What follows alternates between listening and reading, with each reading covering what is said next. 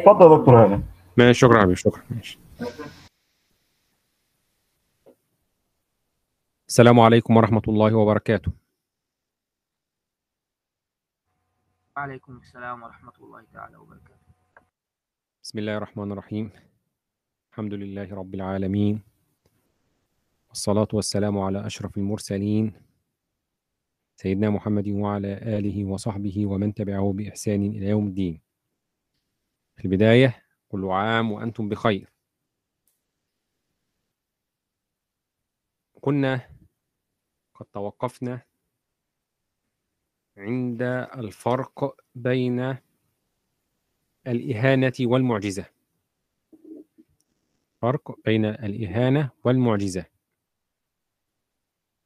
طبعا المعجزة سبق وأن, ذك وأن ذكرنا في تعريفها بأنها أمر خارق للعادة يظهره الله سبحانه وتعالى. على يد مدعي النبوة موافقا لدعواه تصديقا له مع التحدي به وعجز جميع المكلفين عن الإتيان بمثله. وعليكم السلام ورحمة الله وبركاته. ازيك يا أستاذة ميساء. ده بالنسبة لتعريف المعجزة يا أخوانا. الإهانة بقى. ما هي الإهانة؟ الإهانة هي أمر خارق للعادة. الإهانة هي أمر خارق للعادة.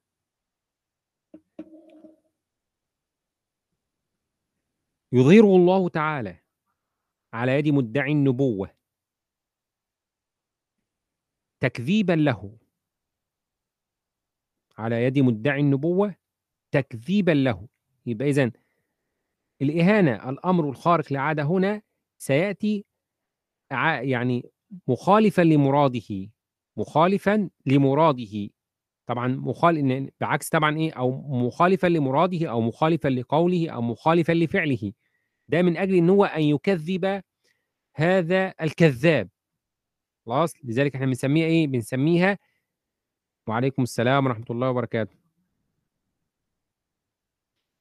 لذلك إحنا بنسميها بنسميها إهانة. فالله سبحانه وتعالى يظهر هذا الأمر الخارق للعادة من أجل إهانته ومن أجل تكذيبه.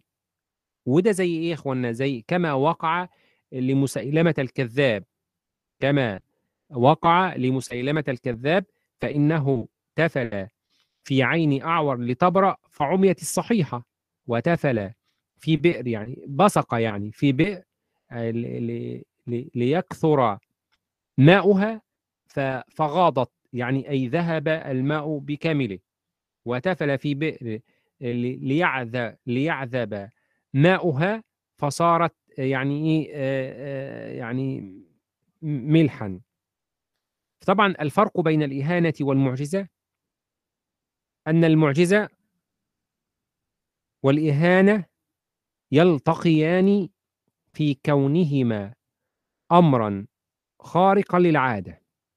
يعني المعجزة خارقة للعادة والإهانة خارقة للإيه؟ للعادة. وتفترقان في أن المعجزة تظهر على يد مدعي النبوة تصديقا له في دعواه.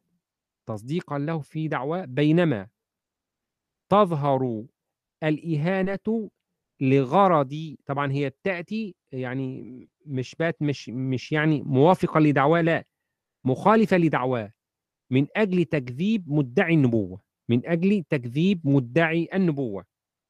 هذا عن الفرق بين الإهانة والمعجزة. هذا عن الفرق بين الإهانة والمعجزة. إنما السؤال هل من الممكن أن تقع الإهانة ولا انتهت الإهانة بالفعل؟ ها؟ ما رأيكم؟ من الممكن أن تقع. كيف يا أستاذ محمود؟ آه لو آه لو جاء مدعي من نبوة في هذا العصر. أيوه. فمن الممكن أن يظهر الله يظهر يظهر الله كذبه للناس بأن نعم الله يفتح عليك. يبقى إذا الله يفتح عليك. يبقى إذا دي ممكن تقع في أي زمان وفي أي مكان. خلاص؟ وخصوصا لمن يدعي النبوة. لمن يدعي الإيه؟ النبوة.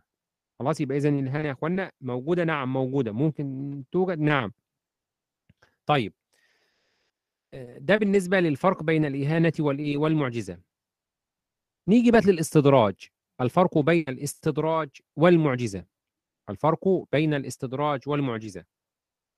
الاستدراج هو أمر خارق للعادة. يظهره الله سبحانه وتعالى على يد عبد فاسق. على يد عبد فاسق. مدعي للألوهية. مدعي للألوهية كذبا. فيظهره الله سبحانه وتعالى هذا الأمر الخارق للعادة بس خلي بالكم بقى على وفق دعواه استدراجا له وابتلاء للمكلفين من جهة أخرى استدراجا له وابتلاء للمكلفين من جهة أخرى. يبقى إذن يا إخوانا هنا في الاستدراج يأتي الأمر الخارق للعادة على وفق مراده. السؤال هو لماذا أتى الأمر الخارق للعادة هنا في الاستدراج على وفق مراده؟ ولم يأتي في الإهانة على خلاف مراده. ها ما رأيكم؟ ابتلاء للمكلفين كما ذكرتم سيدي. طب ما أنا ذكرت ديت يعني أنا ذكرتها أستاذ محمود يعني نعم. ذكرتها. فهتبقى الإجابة اللي أنا ذكرتها لا ما أنا عارف إن هي استدراجا للمكلفين وابتلاء ل- و... و... يعني استدراجا له وابتلاء للمكلفين. ها لا في حاجة تانية. أنا بقول يعني كده؟ يعني أنت ممكن تقول كده ممكن تقول إيه؟ طب المفروض إن الأمر الخارق للعادة ده يأتي على خلاف مراده كما حدث في الإهانة. لماذا جاء هنا في الاستدراج جاء الأمر الخارق للعادة؟ خلاص الذي ظهر على يد هذا الفاسق على وفق مراده ولم يأتي على خلاف مراده كما آه كما كان في الإهانة. في الإهانة الأمر الخارق للعادة يأتي على إيه؟ على خلاف مراده يعني على عكس مراده. طب ليه؟ طب ما هو كان آه، يعني الاستدراج نفس الكلام كان يأتي الأمر الخارق للعادة على عكس مراده أو على خلاف مراده. لماذا أتى هنا في الاستدراج؟ على وفق مراده وكان في الإهانة على خلاف مراده.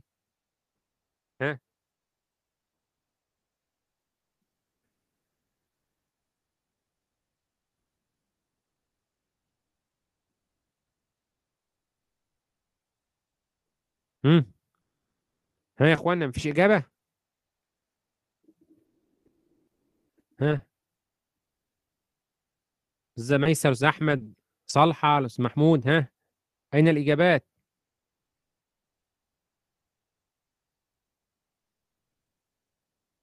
ها؟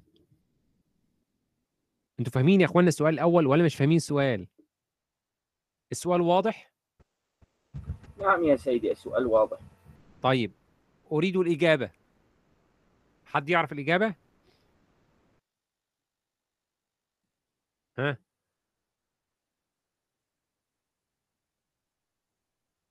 حد يعرف الإجابة؟ طيب. أنا. استدراج. اتفضل لأنه استدراج. نعم. بما من معه عبد عبد القادر؟ نعم.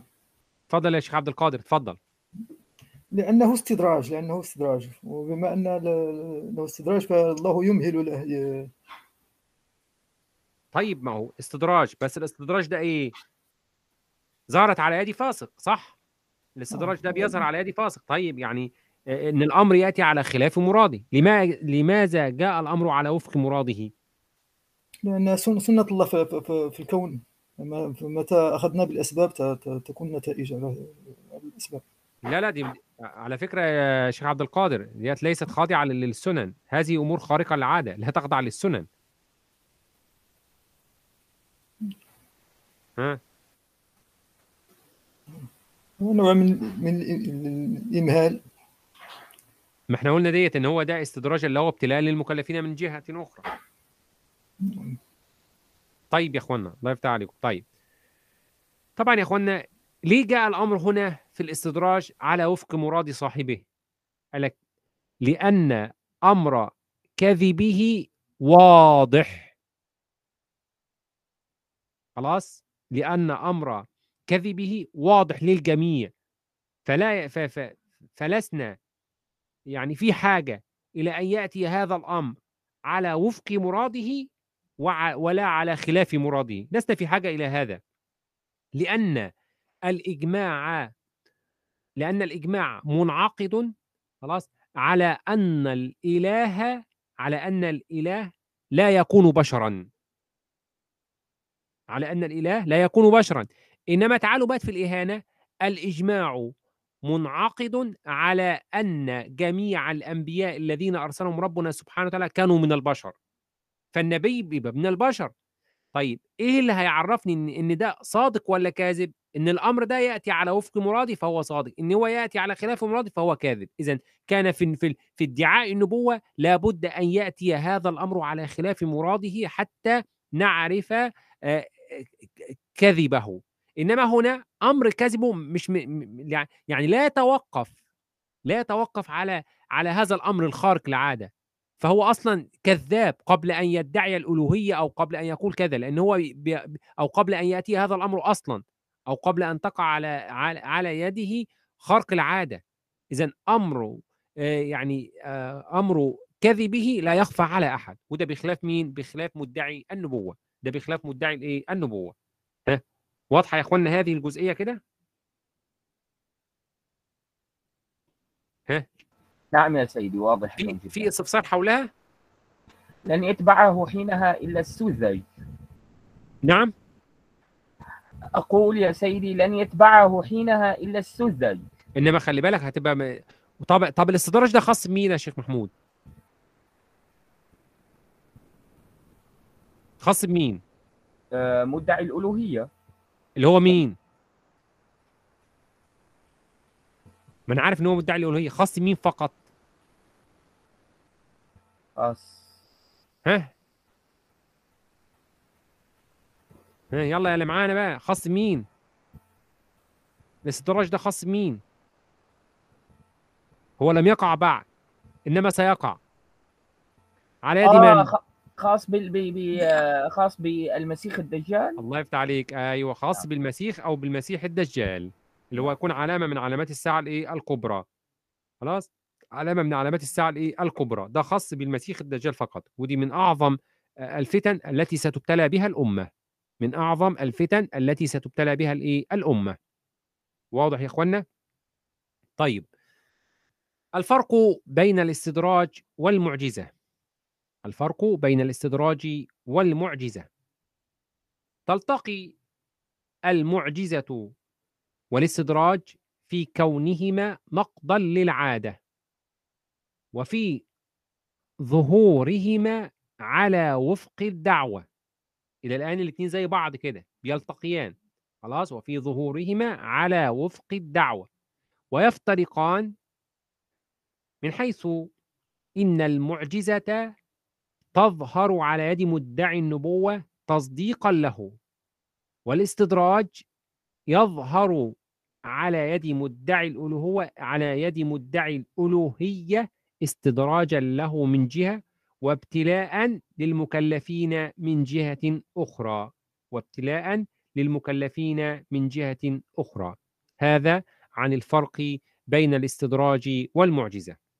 طيب ننتقل إلى الفرق بين السحر والمعجزة طبعا البعض يعني أدخل السحر في خوارق العادات والبعض الآخر قال إن السحر لا يعد من خوارق الإيه العادات.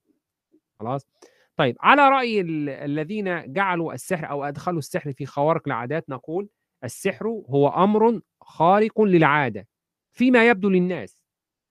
يقع أو يظهر من نفس شريرة خبيثة عن طريق مباشرة أعمال مخصوصة يجري فيها التعلم والتتلمذ وله أسباب ومسببات يمكن تعلمها والإحاطة بها. خلاص يا إخوانا طبعا السحر عند المحققين وعند المدققين يرون أن السحر ليس من الأمور الخارقة أو ليس من خوارق العادات. ليه؟ قال لك لأن السحر هو أمر تخيلي خداعي تمويهي وإن الإنسان يستطيع أن يتعلمه وأن يأتي بم- بمثله أو بما هو أو بما هو أعظم منه. وبناء عليه قالوا بأن السحر ده لأن لأن طبعا يا إخوانا الأمر الخارق للعادة هو أمر حقيقي. خلي بالكم من الكلام. الأمر و- وده الرأي الذي يعني نميل إليه أو نرجحه إن السحر هو أمر خداعي تخيلي تمويهي ليس آه، أمرا حقيقيا. وبالتالي يخرج من خوارق العادات لأن خوارق العادات كلها أمور حقيقية. يعني خلي بالكم آه، مثلا حينما انشق القمر لسيدنا النبي ده كان أمر حقيقي والله. حينما ضرب سيدنا موسى البحر بعصاه وانشق البحر. هذا أمر حقيقي. حينما انقلبت العصا حية هذا أمر حقيقي. بدليل يا أخوانا إن السحر أمر تخيلي خداعي وده بنص القرآن الكريم. ربنا سبحانه وتعالى السحرة يعني يعني قال في حق السحرة اللي هم كانوا في عصر سيدنا موسى عليه السلام في زمن فرعون لما ألقوا حبالهم وعصيهم. ها؟ إيه اللي حصل لسيدنا ودول طبعا يعني من أمهر السحرة الذين أتت بهم الكرة الأرضية. يعني لن ولم تأتي لم ولن تأتي الكرة الأرضية بمثلهم في سحرهم. يعني لما ألقوا حبالهم وعصيهم ها؟ من شدة السحر ومن مهارتهم في السحر خيل إلى سيدنا موسى عليه السلام أنها حقيقية وأنها تسعى. القرآن شوف القرآن الكريم بيعبر عن ده بيقول إيه؟ الله سبحانه وتعالى يقول يخيل إليه من سحرهم من سحرهم يعني إيه؟ من مهاراتهم ومن شدة سحرهم أنها إيه؟ أنها تسعى يعني أنها حقيقية. أنها إيه؟ حقيقية. لذلك سيدنا موسى عليه السلام ربنا سبحانه وتعالى يقول في حقه فأوجس في نفسه خيفة موسى. يعني أضمر في نفسه إيه؟ خيفة الخوف. أضمر الخوف. فأوجس في نفسه خيفة موسى. قلنا لا تخف إنك أنت الأعلى وألق ما في يمينك تلقف ما صنعوا. إنما صنعوا كيد ساحر ولا يفلح الساحر حيث أتى. بدليل يا أخوانا إن لما سيدنا موسى ألقى عصاه انقلبت إيه؟ حية. السحرة اللي هم أعرف الناس بالسحر وأدرى الناس بالسحر ها؟ عملوا إيه؟ سجدوا لسيدنا موسى على. طول في التو واللحظة كما قال القرآن الكريم فألقي السحرة إيه؟ سجدا. وفي آية أخرى ساجدين. قالوا آمنا برب العالمين رب موسى وهارون. طبعا معنى أن السحرة سجدوا وهم أدرى وأعرف الناس بالسحر معنى ده أن هم بيعترفوا ويقروا أن ما فعله سيدنا موسى عليه السلام لا يعد من قبيل السحر. يعني معنى كده اللي هم بيفعلوه ده إيه؟ ها؟ أمور إيه؟ خداعية أمور تمويهية أمور تخيليه وليست أمورا حقيقية. فألقي السحرة ساجدين قالوا آمنا برب العالمين رب موسى وهارون إلى آخر الآيات. واضح يا أخو... واضح يا اخوانا هذا ما عليه المحققون. هذا ما عليه المحققون والمدققون من العلماء. طيب على فرض إن السحر بيدخل في خوارق العادات عند البعض طيب إيه ما الفرق بين السحر والمعجزات؟ على فرض إن هو بي... يعني إيه؟ إن هو آه يعني من من خوارق العادات عند البعض. نقول المعجزة تختلف عن السحر بأنها تأتي مقرونة بالتحدي. مقرونة بالتحدي. فالنبي يتحدى بمعجزته الكفار أن يأتوا بمثل ما جاء به ومن ثم يعجزون عن معارضته. أما السحر فلا يقترن بالتحدي في الغالب. خلاص؟ وإذا وقع التحدي من الساحر فإنه أو وجد من يع... من السحرة وجد من يعارضه من السحرة ويأتي بمثل ما جاء به وأعظم. ده إذا كان وقع تحدي أصلا إنما هو في الغالب لا يأتي ب... أو لا يقترن بالتحدي. ده السحر. أيضا للمعجزة حدود لا يصل إليها السحر. للمعجزة حدود لا يصل إليها السحر. فالساحر لا يستطيع أن يفلق البحر. أو أن يحيي الموتى أو أن يشق القمر أو أن يوقف الشمس عند غروبها. فحدود المعجزة أكبر بكثير من قدرات الساحر ومن شعوذته. أيضا المعجزة تقع وتحدث بتأييد الله سبحانه وتعالى دون تدخل من النبي. خلي بالكم لأننا يعني سبق وأن ذكرت لكم قبل هذا أنه لا يستطيع أحد كائنا من كان أن يخرق العادة إلا الله. خلي بالكم من الكلام يا أخوانا يبقى إذن هذه المعجزة هي بتأييد من الله بفعل من الله سبحانه وتعالى دون تدخل من النبي.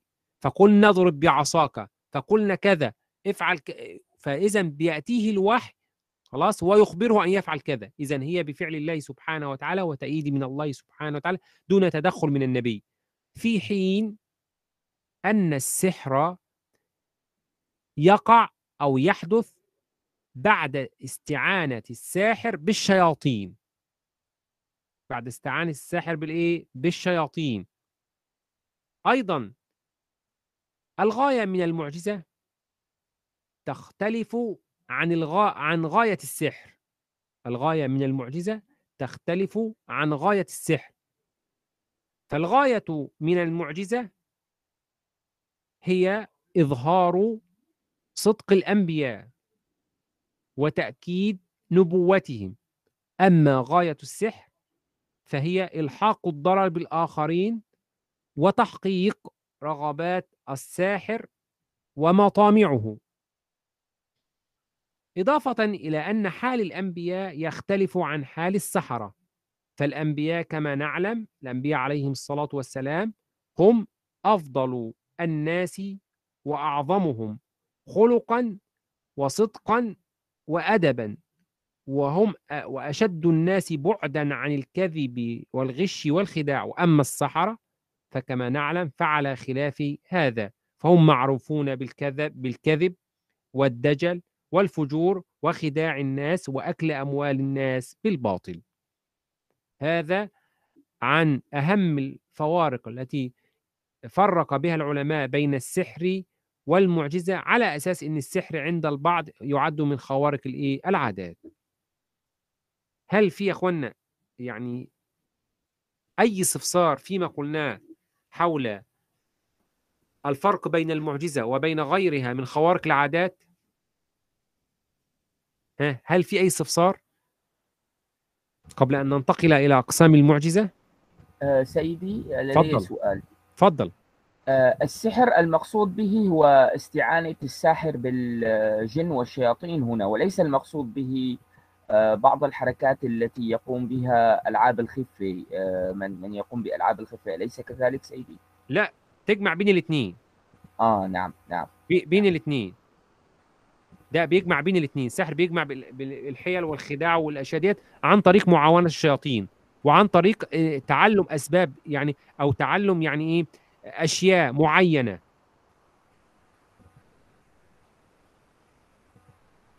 نعم. سيدي. نعم. اتضحت الصورة. نعم نعم. نعم نعم. بارك الله فيكم وبارك فيك. ها هل في يا أخواننا أي استفسار فيما قلناه؟ السلام عليكم سيدي. عليكم السلام ورحمة الله وبركاته. لكن تأثير السحر سيدنا بإرادة الله. أكيد صحيح. أكيد أكيد أكيد. بالضبط. يا, يا, يا شيخ بسام. صح كده بسام؟ نعم سيدي. الله آه يكرمك. يعني الله سبحانه وتعالى حينما تكلم عن السحرة في سورة البقرة ها، قال إيه؟ وما هم بضارين به من أحد إلا بإذن الله. صح؟ وما هم بضارين به أهو. صحيح وما هم بضارين به بإيه؟ بالسحر إلا بإذن الله. آه يا شيخ بسام ألا تعلم أن حبيبنا صلى الله عليه وسلم قد أصابه السحر؟ ها؟ ألا تعلم هذا؟ بالض- بالضبط لكي لك لكي يكون لنا عبرة من ذلك. آه، نعم. يعني إنما سيدنا النبي هو أفضل الخلق وأحب الخلق إلى الله سبحانه وتعالى. صح ولا ما صح؟ إنما أصابه السحر كما جاء في صحيح البخاري مع أن الله سبحانه وتعالى قال والله يعصمك من الناس. إنما كل ده عشان ربنا سبحانه وتعالى ده ابتلاء لسيدنا النبي واختبار لسيدنا النبي وعلشان يعلم الأمة. لما الإنسان يصيب بهذا الداء أو بهذا المرض كيف يصنع وكيف يفعل. واضح يا اخوانا إنما طبعا لم يؤثر على عقل النبي صلى الله عليه وسلم اطلاقا في تأدية رسالته. لم يؤثر على عقل النبي صلى الله عليه وسلم في تأدية إيه؟ رسالته. يبقى السحر موجود يا اخوانا إنما مش عاوزين يعني الوهم يسيطر علينا. أحيانا الإنسان والوهم ده مصيبة في حد ذاتها. والله أحيانا الوهم بيسيطر بيسيطر على يعني على كثير من الناس. واللي يقول لك أنا مربوط وأنا مسحور وأنا كذا وأي حاجة تحصل له يقول لك بس أنا معمول لي عمل أنا معمول لي كذا. واحيانا الناس بيبقوا كتير من الناس والله ما بيبقاش عندهم حاجة. والوهم بيضيعهم. والم... والوهم بيموتهم. والمو... والوهم بيدمر حياتهم. فيا إخوانا لازم يبقى عندنا كده معتقد. كل لن يصيبنا إلا ما كتب الله لنا. كل لن يصيبنا الا ما كتب الله لنا. دي الأساس يا أخوانا. و- وبرضه س- سيدنا النبي ولو اجتمعوا على أن يضروك بشيء لن يضروك الا بشيء قد كتبه الله عليك. ولو اجتمعوا على أن ينفعوك بشيء لن ينفعوك الا بشيء قد كتبه الله لك. يبقى ما حدش يقدر يأذيك ولا حد يقدر ينفعك. خلاص الا بإذن الله سبحانه وتعالى. لذلك ربنا سبحانه وتعالى لما قال عن أهو وما هم بضارين به من احد الا باذن الله. وفي الأول والآخر يا اخوانا خلي بالكم كل شيء مكتوب كل لن يصيبنا إلا ما كتب الله لنا. فكل واحد يريح نفسه بقى. مفيش حاجة هتقع لك حتى لو عملت إيه؟ لو استعنت بمين؟ لا كل حاجة مقد- مقدرة عند الله سبحانه وتعالى. وكل صغير وكبير ها مستطر مكتوب. وكل شيء فعلوه في الزبر. إنا كل شيء ها آه، كتبنا كل شيء مكتوب عند الله سبحانه وتعالى. وكل شيء وخلق كل شيء فقدره تقديرا. فكل شيء مكتوب عند الله سبحانه وتعالى كل شيء مقدر عند الله سبحانه وتعالى. فإذا على الإنسان أن هو يرضى بقضاء الله سبحانه وتعالى. طيب لو لو أصابه مثلا داء السحر كيف يفعل؟ في الرقية يا إخوانا ولا لا يذهب إلى العرافين والكهنة والدجالين والكذابين هؤلاء. يعني سيدنا النبي يقول من ذهب إلى عرافا أو ساحرا فصدقه فقد كفر بما أنزل على محمد صلى الله عليه وسلم. فخلي بالكم من الموضوع ده يا إخوان. طيب.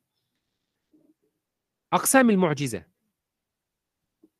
المعجزة لها تقسيمات باعتبارات متعددة. أول أول أقسام أول هذه الأقسام أقسام المعجزة باعتبارها خارقة للعادة أو ليست خارقة للعادة خلاص باعتبارها خلي بالكم واحد يقول لي يعني إزاي؟ هي في معجزة أصلا مش خارقة للعادة لا هي ترجع إن الفعل ذاته أصلا في حد ذاته مش خارق للعادة. يعني طبعا المثال هيبين. المعجزة تنقسم باعتبار كونها خارقة للعادة أو ليست خارقة للعادة إلى قسمين. أول قسم المعجزة كفعل غير معتاد. زي مثلا إنشقاق القمر. يبقى ده إيه؟ فعل مش معتاد أصلا. فعل خارق للعادة.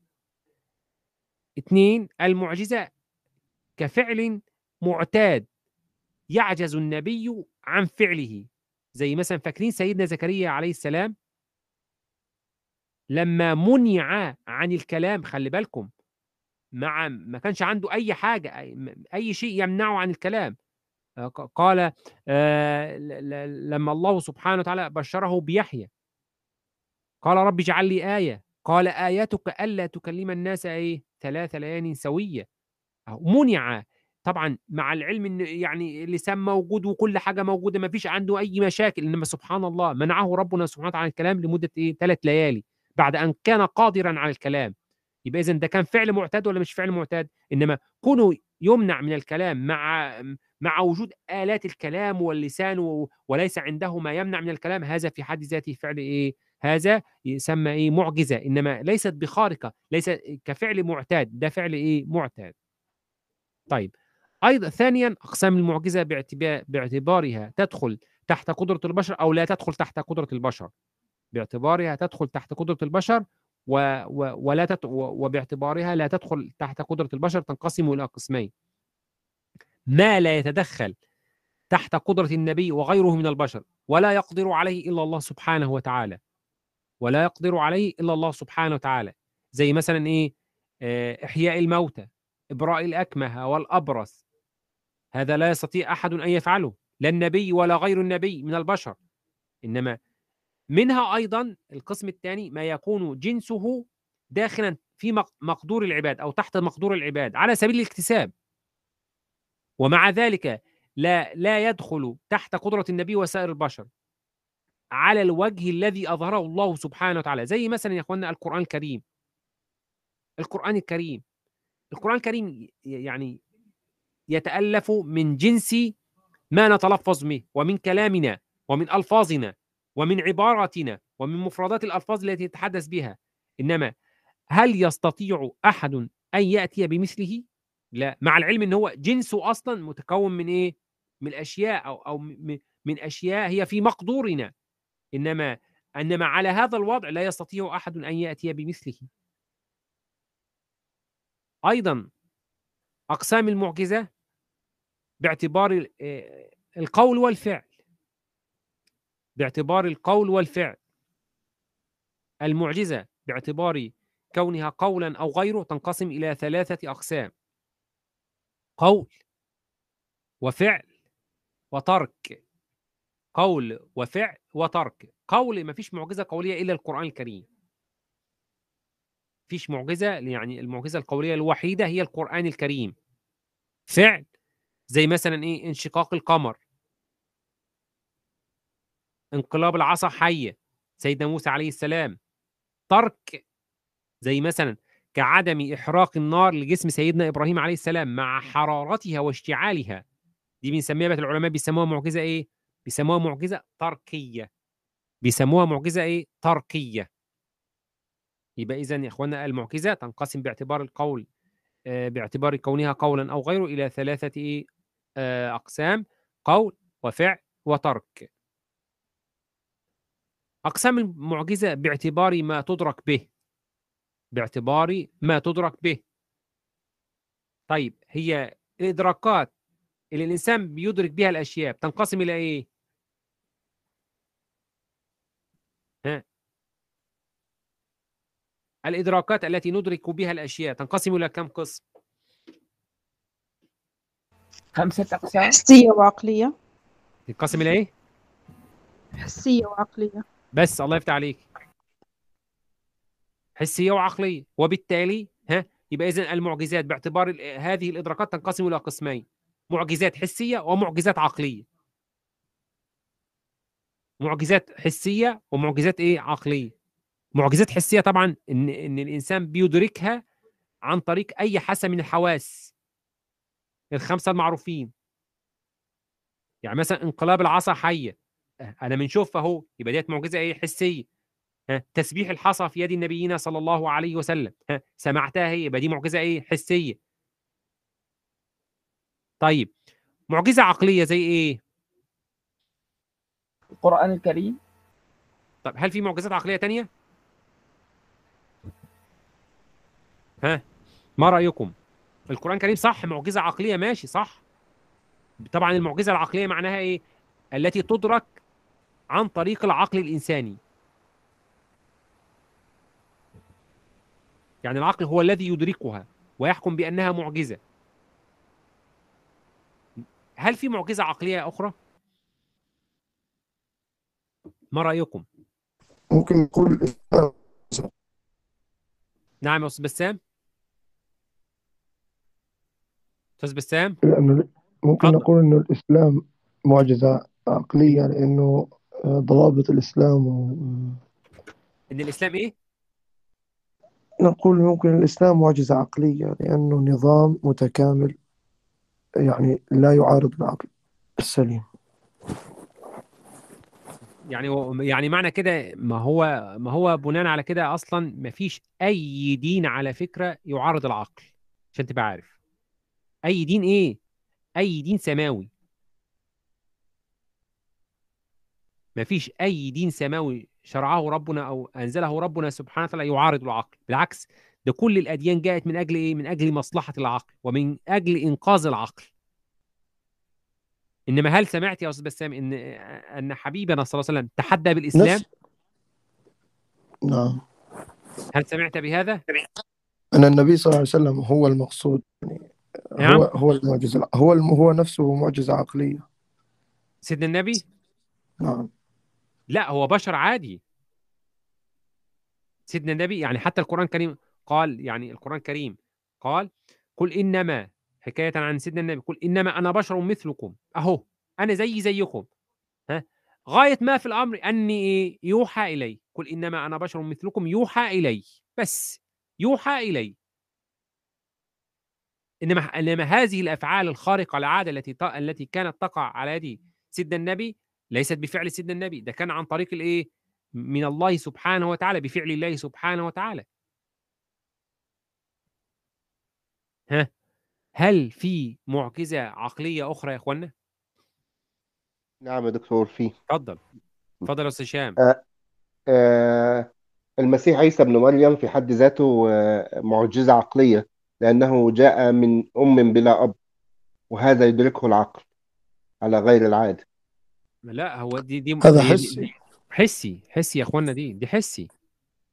لا نعم حسي على فكرة. لا حسي. هو يعني أعتقد إن إن أعمال العقل فيها أكتر من الحس. لا لا لا بالعكس ده حسي شيء حسي. أو نعم سيدنا معجزة عقلية. نعم؟ هل القرآن الكريم معجزة عقلية؟ ما إحنا بنقوله هل في غير القرآن الكريم معجزة عقلية؟ أنا لم أسمع هذه. إذا يا إخوانا فعلا بالفعل. لا يوجد معجزة عقلية أخرى غير القرآن الكريم. هو المعجزة الوحيدة العقلية هو القرآن الكريم. ولم نسمع أن نبيا من الأنبياء تحدى بكتابه. لم نسمع أن نبيا من الأنبياء تحدى بكتابه. وهذا مما اختص به القرآن الكريم. هذا مما اختص به القرآن الكريم. خلاص؟ مع العلم على فكرة. لما تيجوا مثلا تع... يعني مثلا القرآن الكريم أنتوا لما تيجوا تعرفوا القرآن الكريم بتقولوا عن القرآن الكريم هو إيه؟ ها؟ ها؟ عاوز واحد بسرعة كده يقول القرآن الكريم هو كلامه إيه؟ كلام كلام الله. الله واجب. المعجز. آه المنزل على؟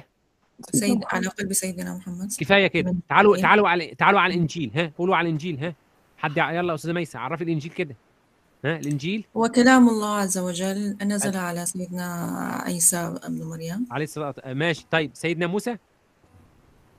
آه، التوراة. آه، التوراة. أيضا كلام الله عز- وجل نزل على آه، سيدنا موسى. نعم الله يفتح عليك. مع العلم كله كلام الله كلام الله كلام الله. الوحيد الذي كان معجزا من بين الكتب السماوية هو القرآن الكريم. شوفوا دي هذا مما اختص به القرآن الكريم. هذا مما اختص به القرآن الكريم. ولم نسمع أن نبيا من الأنبياء تحدى بكتابه. يبقى اذا المعجزة الوحيدة العقلية هي القرآن الكريم. خلاص يا اخوانا طيب. آراء العلماء حول إمكان المعجزة. آراء العلماء حول إمكان الإيه؟ المعجزة. طبعا المعجزة نيجي بقى إلى نظرة العقل إلى المعجزة. العقل هينظر للمعجزة ديت، هل المعجزة ديت ما هو في ثلاث أحكام بقى بالنسبة للإيه؟ لل- لل- للحكم العقلي. إيه هما الأحكام يا إخوانا؟ أحكام الحكم العقلي. ها؟ أحكام الحكم العقلي ها؟ ثلاثة ثلاثة أحكام العقل اتفضل أيوه أقول ماشي اسمه محمود. الجواز والوجوب والاستحالة والاستحالة الله يفتح عليك الله نعم. يفتح عليك طيب ما هو المستحيل العقلي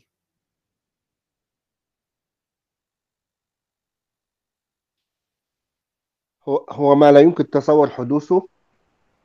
آه، نعم نعم الله يفتح عليك يا أستاذ هشام. هو إذا- يعني ما أنا نعم. هنساعدك شوية هو الذي لا تصور العقل وجوده. نعم. نعم الله يفتح عليك الله يفتح عليك. طيب الواجب العقلي؟ هو ما يوجب العقل وجوده؟ هو إيه؟ ما يوجب العقل وجوده؟ الله يفتح عليك. هو الذي لا تصور العقل عدمه. طب تعرفي تجيبي مثال كده؟ استاذه هند؟ وجود الخالق. الله يفتح عليك الله يفتح عليك. أو مثلا صفة القدرة صفة السمع بالنسبة لله سبحانه وتعالى. طيب ده مستحيل واجب. طيب الجائز بقى ما هو الجائز؟ الجائز العقلي.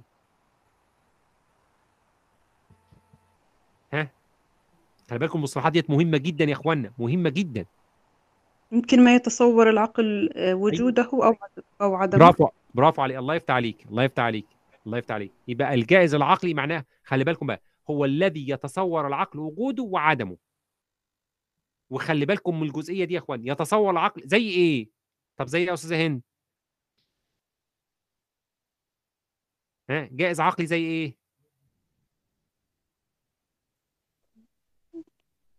ها؟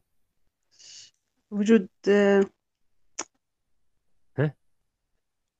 مش عارفة صراحة مش آه، طب مش حاضر. شروق الشمس. ها إيه؟ شروق الشمس. إذا أشرقت الشمس. نعم. لا، يعني ممكن تطلع وممكن ما تطلعش. وممكن تطلع وممكن ما تطلعش. صح. نعم. طب إح إحنا بنتكلم دلوقتي عن إيه؟ موضوعنا اسمه موضوع الإيه؟ المعجزة وجود الله يفتح عليك. المعجزة. المعجزة رأيكم إيه بقى؟ هل هي من الممكن من الممكنات يعني الجائزات ولا من الواجبات ولا من المستحيلات؟ من الجائزة الجائزات. أي أي الله يفتح عليكم. شوفوا بقى إحنا ده اللي أنا عاوز أوصله بقى. عرفنا بقى. وخلي بالكم بصوا بصوا يا اخوانا من القواعد المقررة أن الجواز لا يستلزم الوجود أو أو لا معذرة الجواز لا يستلزم الوقوع. خلي بالكم من القاعدة دي. تاني اهو الجواز لا يستلزم الوقوع بينما الوقوع يستلزم الجواز واضحة دي ولا نوضحها أكتر؟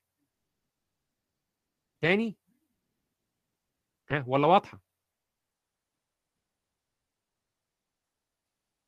نعم يا ريت- سيدي واضح آه، يا ريت يا دكتور مرة ثانية لو سمحت حاضر حاضر تاني اهو الوقوع يستلزم الجواز. معنى إن الشيء وقع يا أخوانا.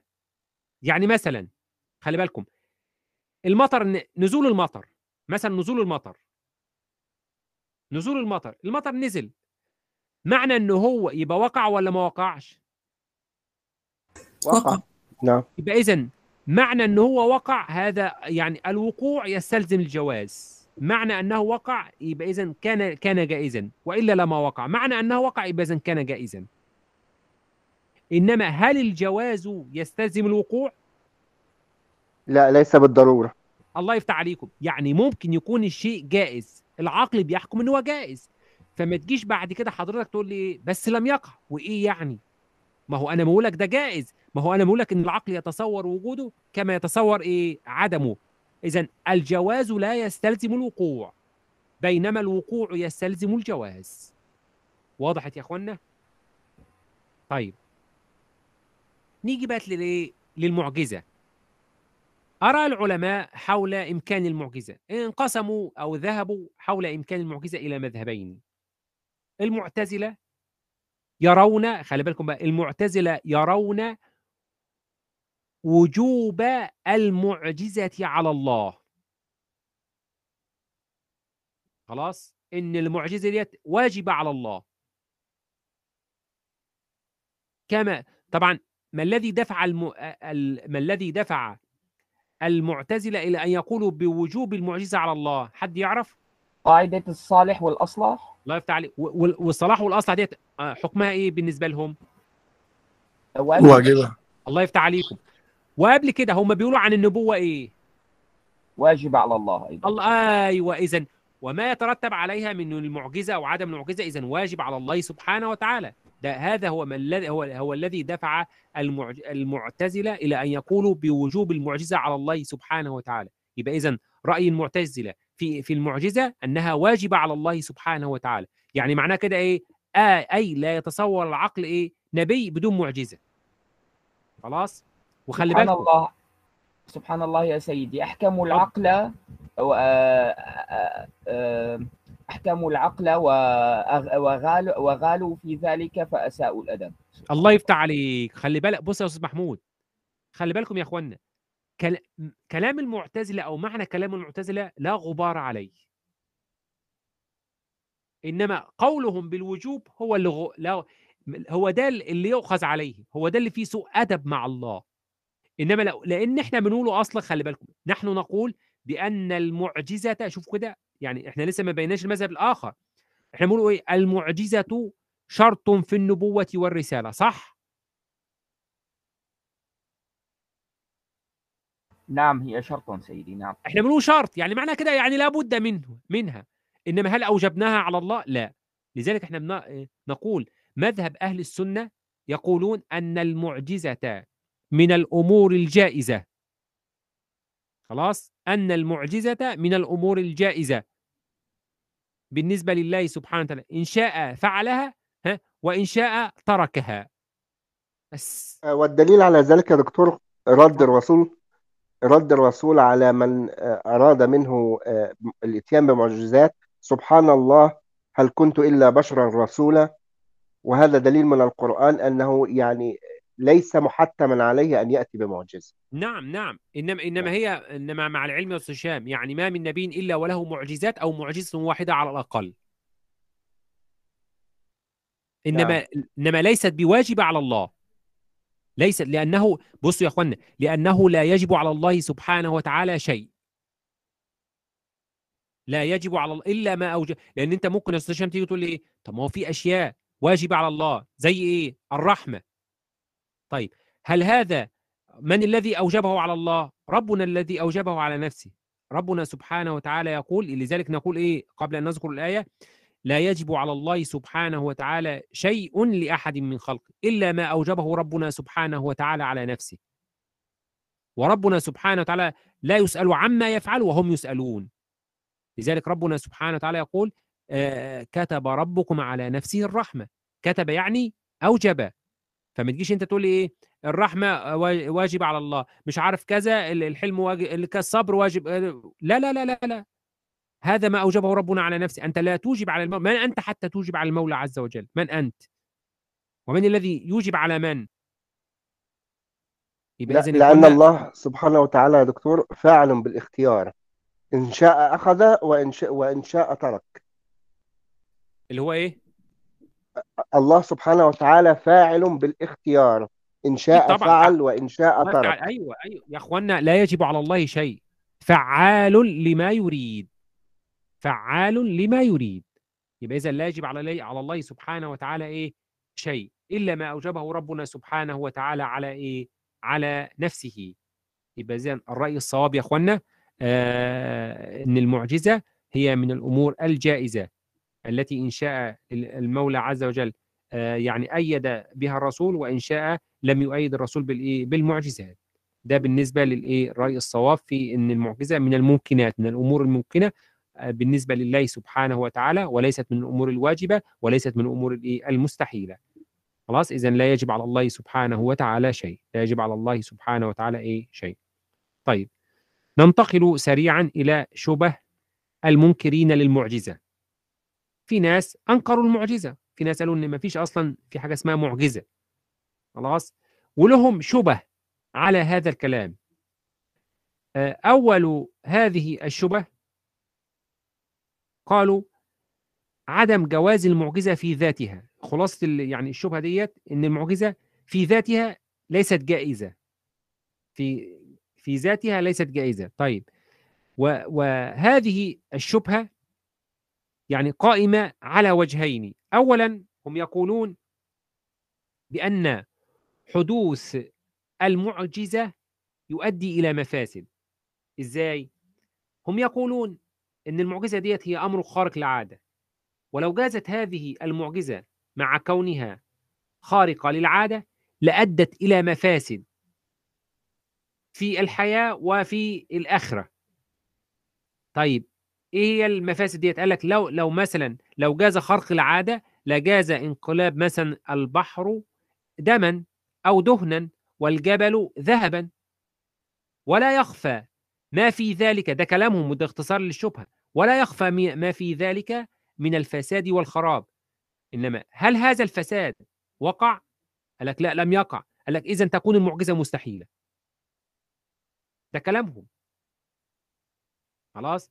طبعا أن هذه الأمثلة الرد على هؤلاء نقول بأن هذه الأمثلة التي ذكروها وغيرها من الأمثلة التي تشبه هذه الأمثلة هي وإن كانت ذا في ذاتها ممكنة. خلاص؟ لأن إحنا لما نيجي يا اخوانا الأمثلة ديت اللي هم ذكروها ديت حكمها إيه؟ يعني مثلا نقول مثلا انقلاب آه، يعني آه، الجبل ذهبا حكمه إيه؟ جائز عقلا. جائز عقلا. صح. الله يفتح عليك. استحالة يا. استح... استحالة إزاي؟ استحالة عادة. الله يفتح عليك. أيوه. خلي بالكم ده جائز عقلا إنما إيه؟ ممتنع في العادة. خلاص؟ ممتنع في العادة. يبقى العادة إن يبقى ده بنسميه بقى بنقوله مستحيل عادي. وليس مستحيل عقلا. لأن في العادة عادة الأشياء العادة والقوانين إن ده مم- ممتنع عقلا. لذلك خلي بالك إنما عقلا تيجي تحسبها ممتنع في العادة إنما عقلا لا, لا, لا العقل يجوز وقوع مثل هذه الأشياء. العقل يجوز وقوع مثل هذه الإيه؟ الأشياء. خلاص؟ أيضا هم يقولون بأن المعجزة تحدث إخلال بالقواعد والقوانين في الدنيا. فهم بيقولوا لو لو لو جاز خرق العادة مش هيبقى فيه يعني إيه قواعد ولا قوانين نمشي عليها أو نسير عليها. وبز... وسيؤدي هذا إلى عدم وجود قوانين. الرد على هؤلاء نقول بأن إبداع المعجزة ليس أبعد من إبداع خلق السماوات والأرض.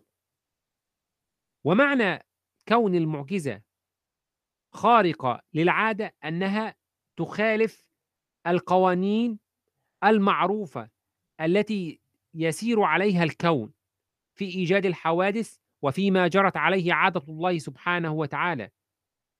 من من إيجاد الكائنات بسبب وجود مثلا ال- الأسباب ومسببات. وهذا لم يقم دليل على استحالته بل دلت الحوادث الكونية على وقوعه. بل دلت الحوادث الكونية على وقوعه. كما أن يا أخوانا يعني آه، هذه الأمور الخارقة للعادة هي حالات خاصة وتبقى القوانين كما هي وتبقى القوانين كما هي إنما هي حالة خاصة ل- من أجل مثلا تصديق هذا النبي من أجل إثبات هذا النبي ثم تعود القوانين إلى طبيعتها مرة أخرى. يعني مثلا هذه النار التي توقفت عن إحراق سيدنا إبراهيم عليه السلام هل ظلت هكذا عندما نلقي فيها شيئا لا تحرقه ولا است... أو ولا عادت إلى عادتها مرة أخرى؟ عادت إلى عادتها مرة أخرى صح ولا مش صح؟ انشقاق القمر لسيدنا النبي ها هل ظل من... هل ظل القمر ها منشقا ولا عاد إلى عادته؟ وهكذا. إذا هذه القوانين أو أو وقوع المعجزات لا يحدث إخلال بالقواعد والقوانين التي نسير عليها في الدنيا. شبهة أخرى. قال لك استحالة العلم بها لمن لم يشاهدها لاستحالة نقلها. هم بقى بيقولوا بقى في, في الشبهة ديت بيقولوا إيه؟ على فرض التسليم إن المعجزة ديت حاجة جائزة وإن هي جائزة في ذاتها. قال لك طيب المعجزة ديت استحالة لا, لا يمكن نقلها لمن لم يشاهدها إلا بطريق النقل عمن شاهدها. ونقلها لا يكون إلا يا إما بطريق الأحاد أو التواتر والأحاد والتواتر هما بيقولوا كده كلاهما ليس مفيدا لليقين فالأحاد هم يقو... لسه ما ما زلنا مع الشبهة يقولون الأحاد يفيد الظن ولا يفيد اليقين اتفاقا أما التواتر فلا يفيد اليقين فلا يفيد اليقين من ثلاثة أوجه. الوجه الأول جواز الكذب على من وقع بهم التواتر التواتر لا يفيد اليقين مثل الأحاد التواتر ملوش عدد معين. كل ده بيؤدي من وجهة نظر هؤلاء أنه لا يفيد إلا يفيد أنه إيه؟ لا يفيد اليقين أنه لا يفيد الإيه؟ اليقين أنه لا يفيد ألو... اليقين. طبعا الشبهة ديت بتقول إيه؟ باختصار كده قال لك إن الكذب جائز على كل واحد من أفر من الأفراد الذين ينعقد بهم التواتر. وطالما إن الكذب جائز على كل واحد من الأفراد الذين ينعقد أو يقع بهم التواتر هذا يوجب يوجب جوا يوجب جوازه على الكل لكونه لأن الكل ده متكون من الإيه؟ من الأحاد. يمكننا أن نرد على هؤلاء ونقول هذا مردود بأنه لا يلزم من جواز الكذب على البعض على بعض الأفراد جوازه على كل الأفراد. زي إيه يا إخوانا؟ زي مثلا اللقمة الواحدة. اللقمة هل يقع بها شبع؟ لا. إنما الشبع بيحصل من إيه؟ من كل اللقيمات التي يتناولها أو يأخذها الإنسان أو يأكلها الإنسان. يبقى لقمة واحدة لا يقع بها الشبع. إنما اللقيمات اللي الإنسان بيأكلها كلها يتناولها يقع بها الإيه؟ الشبع. الوجه الثاني قال لك إن التواتر لا يفيد الإيه؟ التواتر لا يفيد اليقين. قال لك لو أفاد التواتر اليقين لأفاده خبر الواحد وهو باطل فبطل ما أدى إليه وهو إفادة التواتر اليقين.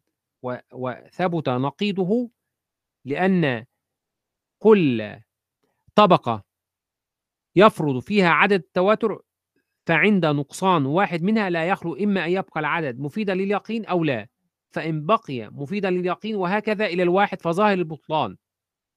طبعا الرد عليهم نقول أن الواحد ليس مفيدا لليقين بنفسه. الواحد لا يفيد اليقين بنفسه وإنما الذي أفاد اليقين عدد التواتر المفروض الذي هو عبارة عن مجموعة من الأفراد تتوافر فيهم صفات معينة. وده طبعا بيقع بهم الإيه؟ التواتر وب- وبالتالي بيحصل بهم أو يقع بهم الإيه؟ اليقين. من هذه الشبهه بيقولوا إن التواتر أيضا ليس مضبوطا بعدد مخصوص. خلي بالكم التواتر ملوش عدد إيه؟ مخصوص. إنما ضابطه حصول اليقين. فإثبات اليقين به يكون ظلما.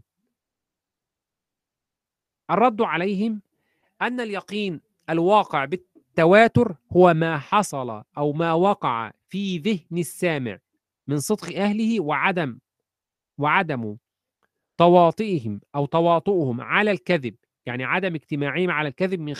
من خلال الخبر المنقول عن طريق التواتر على أن طبعا كما نعلم أن المتواترات هي أحد أقسام الضروريات التي يسلم بها العقل واضح يا إخوانا؟ طبعا خلاصة الرد يعني على هؤلاء على شبه المنكرين للمعجزه هذه الشبه هي شبه لا قيمة لها هي شبه تافهة وبالتالي هي شبه لا قيمة لها هي شبه ضعيفة هي شبه مردود عليها وبالتالي يتضح لنا أن المعجزة ممكنة جائزة عقلا وواقعة فعلا. وواقعة فعلا. لماذا؟ إن المعجزة جائزة عقلا واقعة فعلا. لأنها من مقدورات الله سبحانه وتعالى. لأنها من مقدورات الله سبحانه وتعالى. وطالما إن هي من مقدورات الله سبحانه وتعالى ونحن نعلم أن قدرة الله سبحانه وتعالى لا تتعلق إلا إلا بالممكنات اذا تكون المعجزة من الايه من الممكنات شأنها شأن أفعال المولى عز وجل. خلاص؟ الأمر الثاني العلم بالمعجزة يقع للحاضرين والغائبين على السواء. لأن طبعا كما نعلم أن المعجزة يعني إنما تقع بأحد طريقين هما المشاهدة والتواتر. اولا ثبات المعجزة بالمشاهدة. طبعا بالمشاهدة فهي خاصة بمن عاصر الرسل والإيه؟ والأنبياء. بمن عاصر الرسل والأنبياء. خلاص؟ وعن طريق التواتر تثبت يعني المعجزة تثبت أيضا بالتواتر لمن لم إيه يشاهدها. على أيدي الرسل عليه السلام. كما جاء القرآن الكريم وأخبرنا بمعجزات الأنبياء والرسل. كما القرآن الكريم أخبرنا وده طبعا القرآن الكريم كله متواتر. ومن أصدق من الله قيل لا أحد. وبالتالي يا أخوانا إذا المعجزة من الممكنات والمعجزة جائزة عقلا وواقعة فعلا. وواقعة إيه؟ فعلا. ننتقل هل في يا أخوانا أي استفسار فيما قلناه؟ قبل أن ننتقل إلى شبه القادحين في دلالة المعجزة على صدق من ظهرت على أيديهم؟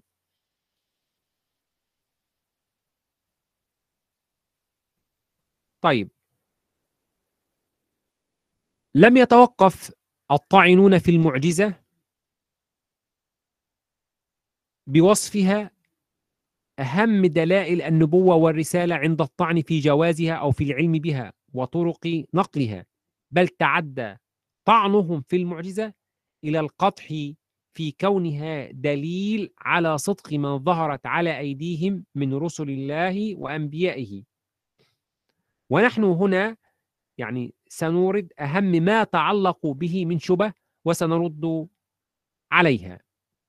أولا هم بيقولوا كده أول شبهة بيقولوا إن ممكن تكون المعجزة ديت من عند غير الله.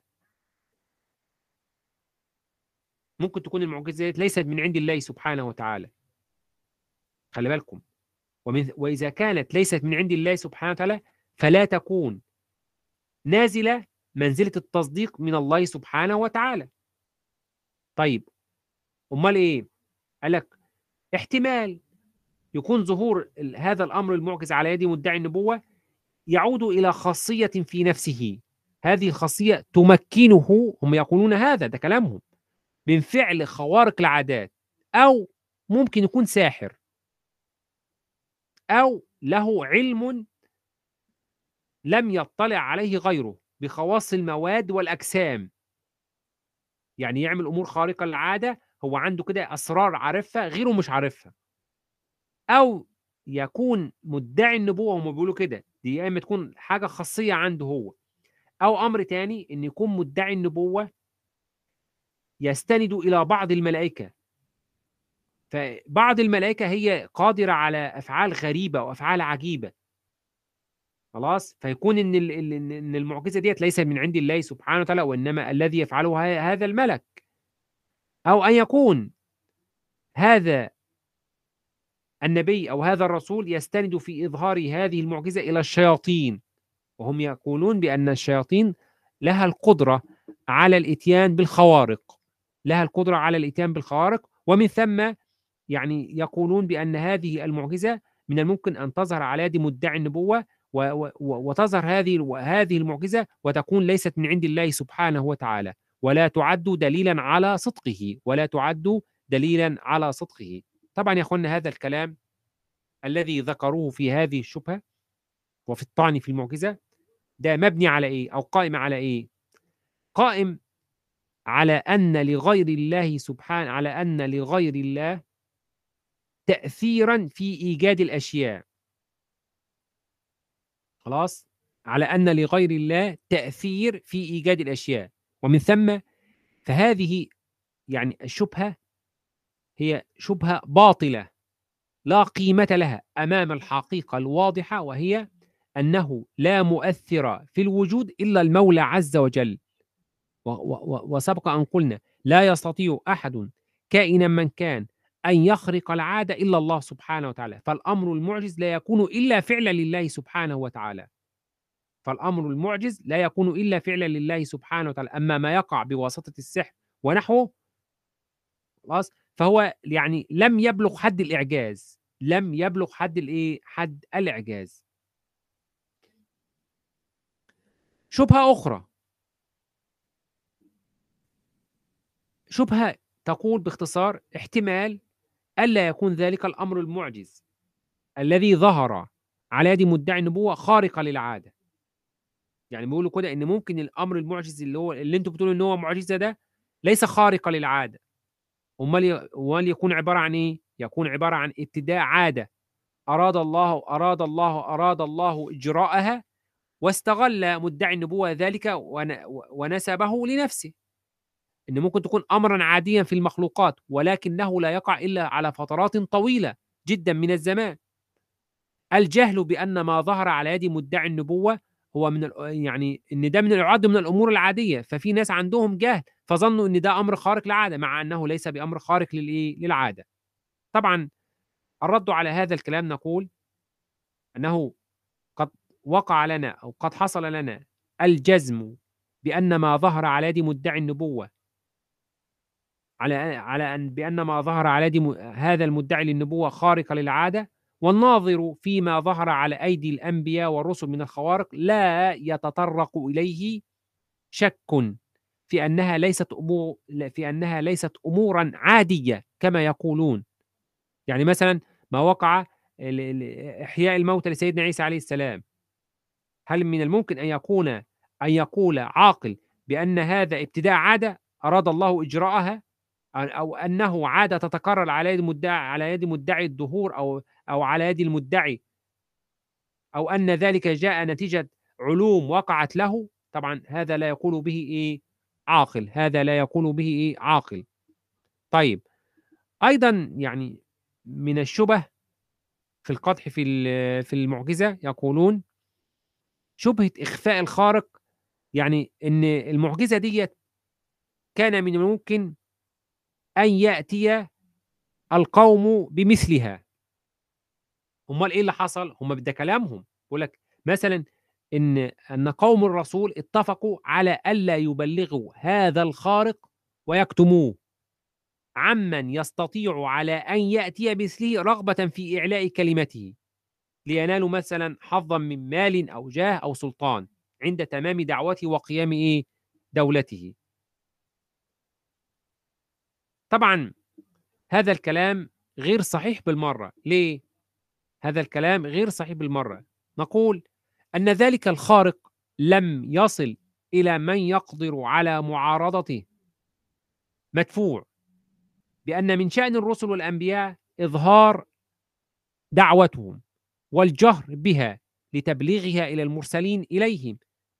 لأن طبعا آه، ذلك يمثل الغاية من إرسالهم. قال ربنا سبحانه وتعالى يا أيها الرسول بلغ ما أنزل إليك من ربك وإن لم تفعل فما بلغت رسالته.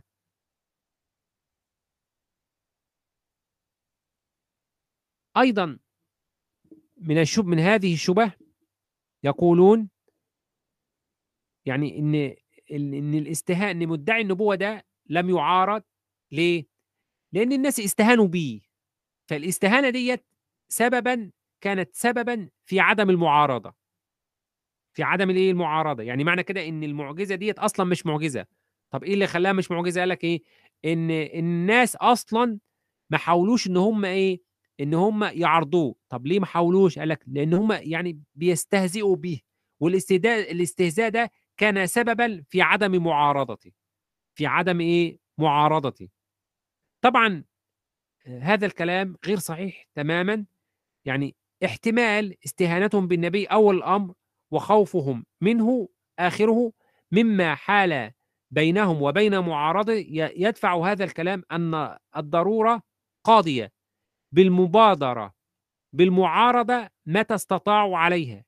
لمن أتى بأمر خطير يغير مجرى حياتهم التي يعيشون عليها من قبل فلا يتأتى منهم الإعراض عن المعارضة لأي سبب مهما كان مهما كان حتى لو كان استهزاء أو غير استهزاء أو استهانة أو غيره.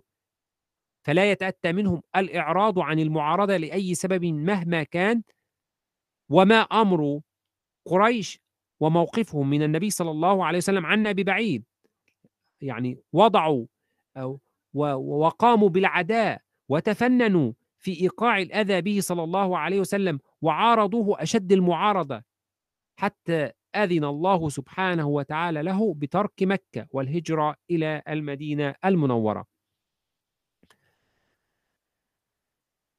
ده بالنسبة يا إخوانا لأهم يعني آه، يعني إلى اهم شبه القادحين في دلالة المعجزة على صدق من ظهرت على أيديهم. في أي استفسار حول هذه الشبه؟ ها؟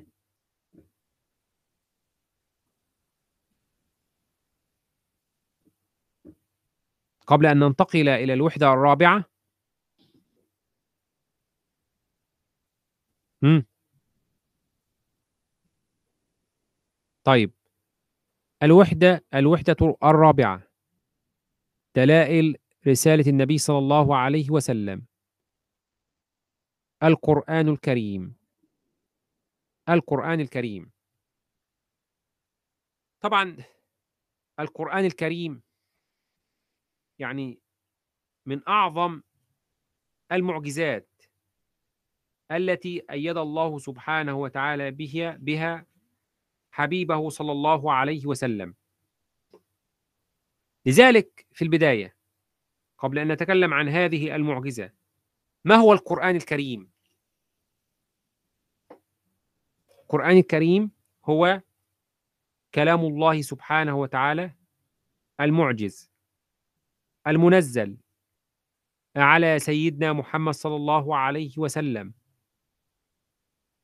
المكتوب في المصاحف المنقول بالتواتر المتعبد بتلاوته المتعبد بتلاوته. بإذن القرآن الكريم كلام الله سبحانه وتعالى المعجز يبقى ده كلام معجزة ومنزل على سيدنا محمد صلى الله عليه وسلم وهو ده المكتوب في المصاحف المنقول بالتواتر المتعبد بتلاوته المتعبد بتلاوته. يعني إيه يا أخوانا المتعبد بتلاوته؟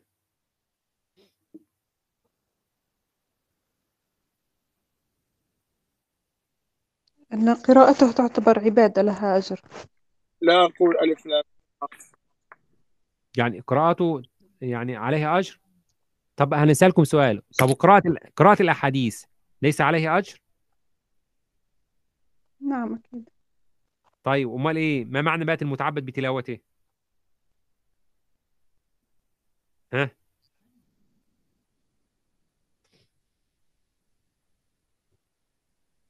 ها؟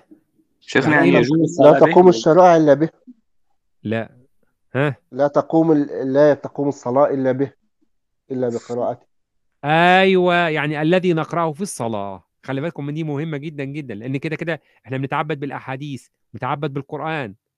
ده- الأحاديث هي وحي والقرآن وحي من عند الله سبحانه وتعالى. يبقى اذا المراد يا إخوانا يعني المتعبد بتلاوته يعني الذي نقرأه في الصلاة لأن ما ينفعش تجيب حديث مكان آية صح ولا مش صح؟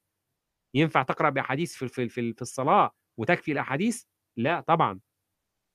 فمعنى يا إخوانا المتعبد بتلاوته يعني الذي نقرأه في الإيه؟ في الصلاة الذي نقرأه في الإيه؟ في الصلاة. طيب دليل إعجاز القرآن الكريم. دليل إعجاز القرآن الكريم. باختصار كده دليل إعجاز القرآن الكريم. نقول أنه صلى الله عليه وسلم تحدى بالقرآن بلغاء العرب وفصحاءهم. خليكم معايا في الدليل ده. أنه صلى الله عليه وسلم تحدى بالقرآن بلغاء العرب وفصحاءهم مع كثرتهم. وشهرتهم بغاية العصبية وتهالكهم على المباهاة والمعارضة. فعجزوا عن معارضته ولم يتمكنوا من الإتيان بمثله. وكل ما كان كذلك فهو معجزة. فتكون النتيجة القرآن الكريم معجزة. أه؟ واضح يا اخوانا يبقى اذا إحنا بنقوله كده إن سيدنا النبي تحدى بهذا القرآن بلغاء العرب وفصحاءهم. وإحنا عارفين الناس ديت كانوا مشهورين بالإيه؟ بشدة العصبية والتهالك على الدفاع عن الأحساب والأنساب. هؤلاء عجزوا عن معارضة النبي ولم يتمكنوا من الإتيان بما جاء به وكل ما كان كذلك فهو معجزة. فتكون النتيجة القرآن الكريم معجزة. تكون النتيجة القرآن الكريم معجزة. طيب. هو القرآن الكريم التحدي ده هل جاء دفعة واحدة ولا جاء بالتدرج؟ جاء بالتدرج. بالتدرج. كي- كيف؟ كيف وقع هذا التدرج؟ على حسب ال- الأمور التي وقعت خلال آه، فترة آه، وجود النبي صلى الله عليه وسلم جاءت نعم. الآيات تباعا آه، نعم. تناسب ال- ال- الأمور التي يعني وقعت. نعم. نعم. طيب فتح الله عليك. طبعا يا أخوانا هذا القرآن جاء متدرجا. خلاص التحدي ده جاء بالتدرج. اولا تحداهم القرآن الكريم أو تحداهم سيدنا النبي بأن يأتوا بمثل القرآن الكريم. خلي بالكم هاتوا زي القرآن الكريم. فقد طالبهم ربنا سبحانه وتعالى في قرآنه على لسان نبيه صلى الله عليه وسلم. أولا وده أول حاجة أن يأتوا بمثل القرآن الكريم. فعجزوا وما استطاعوا. خلاص فعجزوا وما استطاعوا. وهذا ما أشار إليه ربنا سبحانه وتعالى حينما قال قل لئن اجتمعت الإنس والجن على أن يأتوا بمثل هذا القرآن لا يأتون بمثله ولو كان بعضهم لبعض ظهيرا. دي أول مرحلة في التحدي. دي أول مرحلة في إيه؟ في التحدي. ثانيا تحداهم القرآن الكريم بأقل مما تحداهم به أولا. يبقى أولا هو تحداهم أنهم يأتوا ب... ب... زي القرآن الكريم بمثل القرآن. ها المرحلة الثانية بقت إيه؟ ها قلل أقل. يبقى القرآن الكريم تحداهم ثانيا بأنهم يأتوا بأقل مما تحداهم به أولا. وذلك بأن يأتوا بعشر بعشر صور مثله بدلا عن الإتيان بمثله. هل استطاعوا؟ ما استطاعوا. لم يستطيعوا. ذلك أيضا. لم يستطيعوا ذلك أيضا. وهذا أيضا ما أشار إليه ربنا سبحانه وتعالى حينما قال أم يقولون افتراه؟ قل فأتوا بعشر سور قل فأتوا بعشر سور مثله مفتريات. وادعوا من استطعتم من دون الله إن كنتم صادقين فإن لم يستجيبوا لكم فاعلموا أن ما أنزل بعلم الله وأن لا إله إلا هو فهل أنتم مسلمون؟ ثالثا تحداهم القرآن الكريم ثالثا بأقل مما تحداهم به ثانيا. خلاص؟ أو نقول بأقل مما تحداهم به أولا وثانيا. أولا كان القرآن كامل ثانيا عشر صور. ثالثا ها؟ بأن يأتوا بمثل أقصر صورة فيه. يبقى المرحلة الثانية كان إيه؟ إن هم يأتوا بصورة أو بأقصر شوفوا أقصر صورة في القرآن الكريم أقل صورة في القرآن الكريم. هاتوا صورة زيها. هل استطاعوا؟ عجزوا أيضا. شوفوا يا إخوان عجزوا أيضا. ودليل ذلك قول المولى عز وجل وإن كنتم في ريب مما نزلنا على عبدنا فأتوا بصورة من مثله وادعوا شهداءكم من دون الله إن كنتم صادقين فإن لم تفعلوا ولن تفعلوا فاتقوا النار التي وقودها الناس والحجارة أعدت للكافرين. أعدت للكافرين. طبعا عجزوا.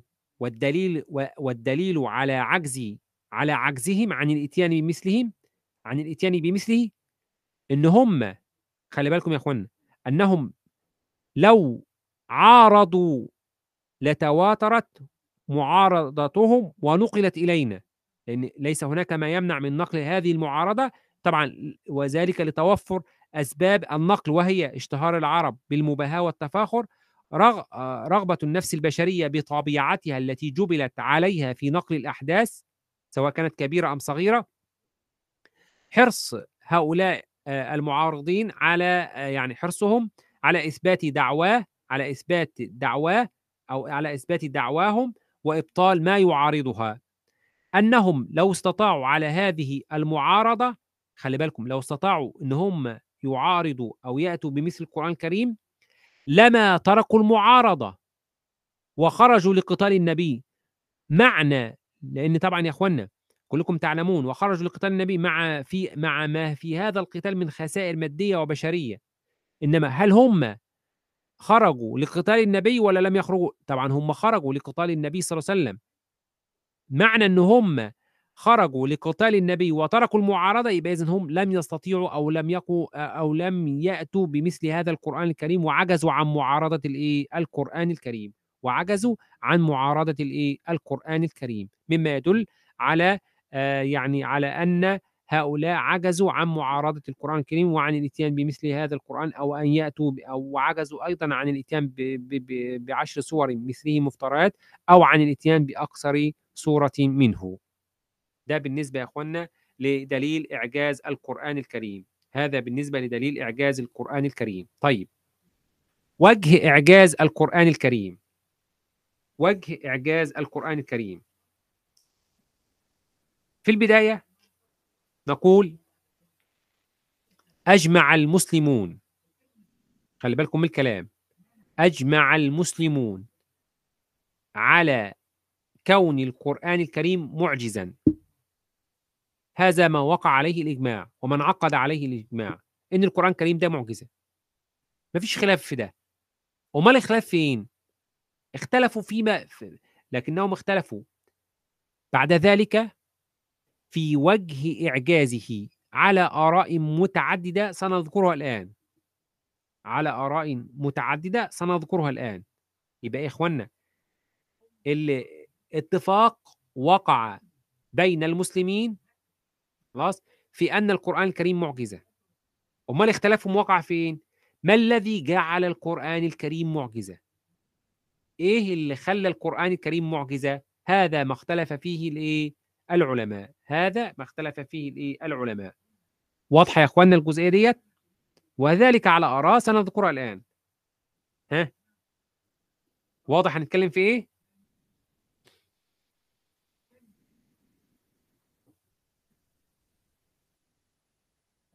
نعم واضح. طيب.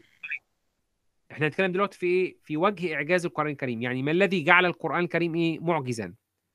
أول رأي يرى أصحابه أن وجه إعجاز القرآن الكريم هو ما فيه من الإخبار عن الغيوب ماضيها وحاضرها ومستقبلها.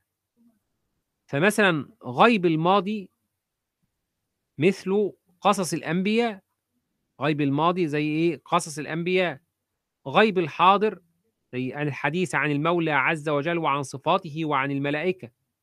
غيب المستقبل زي مثلا آه، قوله تعالى ألف لام ميم غلبت الروم. قوله تعالى سيهزم الجمع ويولون الدبر. قوله تعالى إن الذي فرض عليك القرآن لرادك إلى معاد. يبقى إذن هذا الرأي يا أخوانا باختصار بيقولوا إن القرآن الكريم ده معجزة ليه؟ قال لك لما فيه من من الإخبار بالأمور الغيبية سواء كانت الأمور الغيبية ماضية ولا حاضرة أو مستقبلة. ده رأي خلاص وهم من وجهة نظر هؤلاء إن ده اللي جعل القرآن الكريم جعل القرآن الكريم إيه؟ معجزة. جعل القرآن الكريم إيه؟ معجزة. رأي تاني يرى أصحابه أن وجه إعجاز القرآن الكريم يتمثل في أسلوبه ونظمه الخاص. في أسلوبه ونظمه الخاص. طبعا معنى يا اخوانا النظم معناه إيه؟ معنى النظم هو ترتيب الكلمات وضم بعضها إلى بعض. ده معنى النظم يا اخوانا عشان تبقى واضحة بالنسبة لكم. يبقى النظم معناه إيه؟ ترتيب الكلمات وضم بعضها إلى بعض. أصحاب هذا الرأي يقولون أن وجه إعجاز القرآن الكريم هو يتمثل في أسلوبه ونظمه الخاص. إزاي؟ يرون أن القرآن الكريم جاء مشتملا على نظم وتأليف غريب وأسلوب عجيب. يخالف ما عليه عادة يخالف ما عليه عادة العرب في نظمهم ونثرهم إذ لم يكن معهودا في كلامهم أن تكون بداية أن تكون بداية أن تكون بدايته على مثل ألف لام ميم عين سين قاف عما يتساءلون. يا أيها المزمل الحاقة ما الحاقة وغيرها من البدايات. فأصحاب هذا الرأي يرون أن القرآن الكريم له أسلوب ونظم خاص. هذا الأسلوب والنظم الخاص ده جعله إيه؟ جعل القرآن الكريم معجزة. جعل القرآن الكريم معجزة. ده رأي. الرأي الثالث يرى أصحابه أن وجه إعجاز القرآن الكريم هو كونه في الدرجة العليا من البلاغة والفصاحة. هو كونه في الدرجة في أي استفسار يا أستاذة ميسة؟ أستاذة ميسة؟ الأمور واضحة نعم طيب ماشي يبقى الرأي الثالث يرى أصحابه أن وجه إعجاز القرآن الكريم هو كونه في الدرجة العليا من البلاغة والفصاحة التي لم يعرف مثلها فالمتتبع الذي يتتبع لآيات القرآن الكريم والذي يعرف أو العارف آه، بفنون البلاغة والفصاحة يجد في القرآن الكريم كل فنون البلاغة من الإطناب والإيجاز والقصر والتشبيه والكناية والتمثيل والتقديم والتأخير والاستعارة. الرأي الرابع يرى أصحابه أن وجه إعجاز القرآن الكريم هو مجموع الأمرين السابقين. ده رأي برضه، خلي بالكم الرأي ده بيجمع بقى، بيجمع بين الثالث والتاني. خلاص مجموع الأمرين السابقين وهو حسن نظمه وبلاغته وفصاحته يبقى الرأي ده بيجمع بين إيه؟ بين الرأي الثاني اللي كان أصحابه بيقولوا إيه؟ إن إن وجه إعجاز القرآن الكريم يتمثل في أسلوبه ونظمه الخاص وبين الرأي الثالث اللي أصحابه بيرون أن وجه إعجاز القرآن الكريم آه، هو كونه في آه، الدرجة العليا من البلاغة والإيه؟ والفصاحة. الرأي الرابع بقى بيجمع الرأيين ده بيرى أن وجه إعجاز القرآن الكريم هو حسن نظمه وبلاغته وفصاحته. وبلاغته وإيه؟ وفصاحته. الرأي الخامس يعني في يا اخوانا رأيين أو ثلاثة يعني إن شاء الله ده نحاول نخليهم يعني للقاء القادم بمشيئة الله سبحانه وتعالى إنما لأن طبعا الوقت انتهى لكن قبل أن ننهي اللقاء هل في أي استفسار فيما قلناه؟ ها؟ هل في يا اخوانا أي استفسار؟ يعني ما زال الحديث يدور حول وجه إعجاز القرآن الكريم إن شاء الله ده هنكمله في اللقاء القادم بمشيئة الله سبحانه وتعالى إنما قبل أن ننهي اللقاء هل في أي استفسار فيما قلناه؟ هل في أي سؤال؟ هل في أي استفسار؟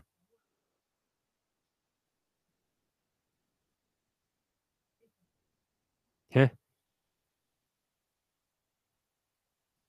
طيب آه، يعني وجزاكم الله كل خير وأشكركم على حسن استماعكم. نكتفي بهذا القدر. هذا والله سبحانه وتعالى أعلى وأعلم. والسلام عليكم ورحمة الله وبركاته. وعليكم السلام وعليكم السلام ورحمة الله وبركاته. جزاكم الله خير. وجزاكم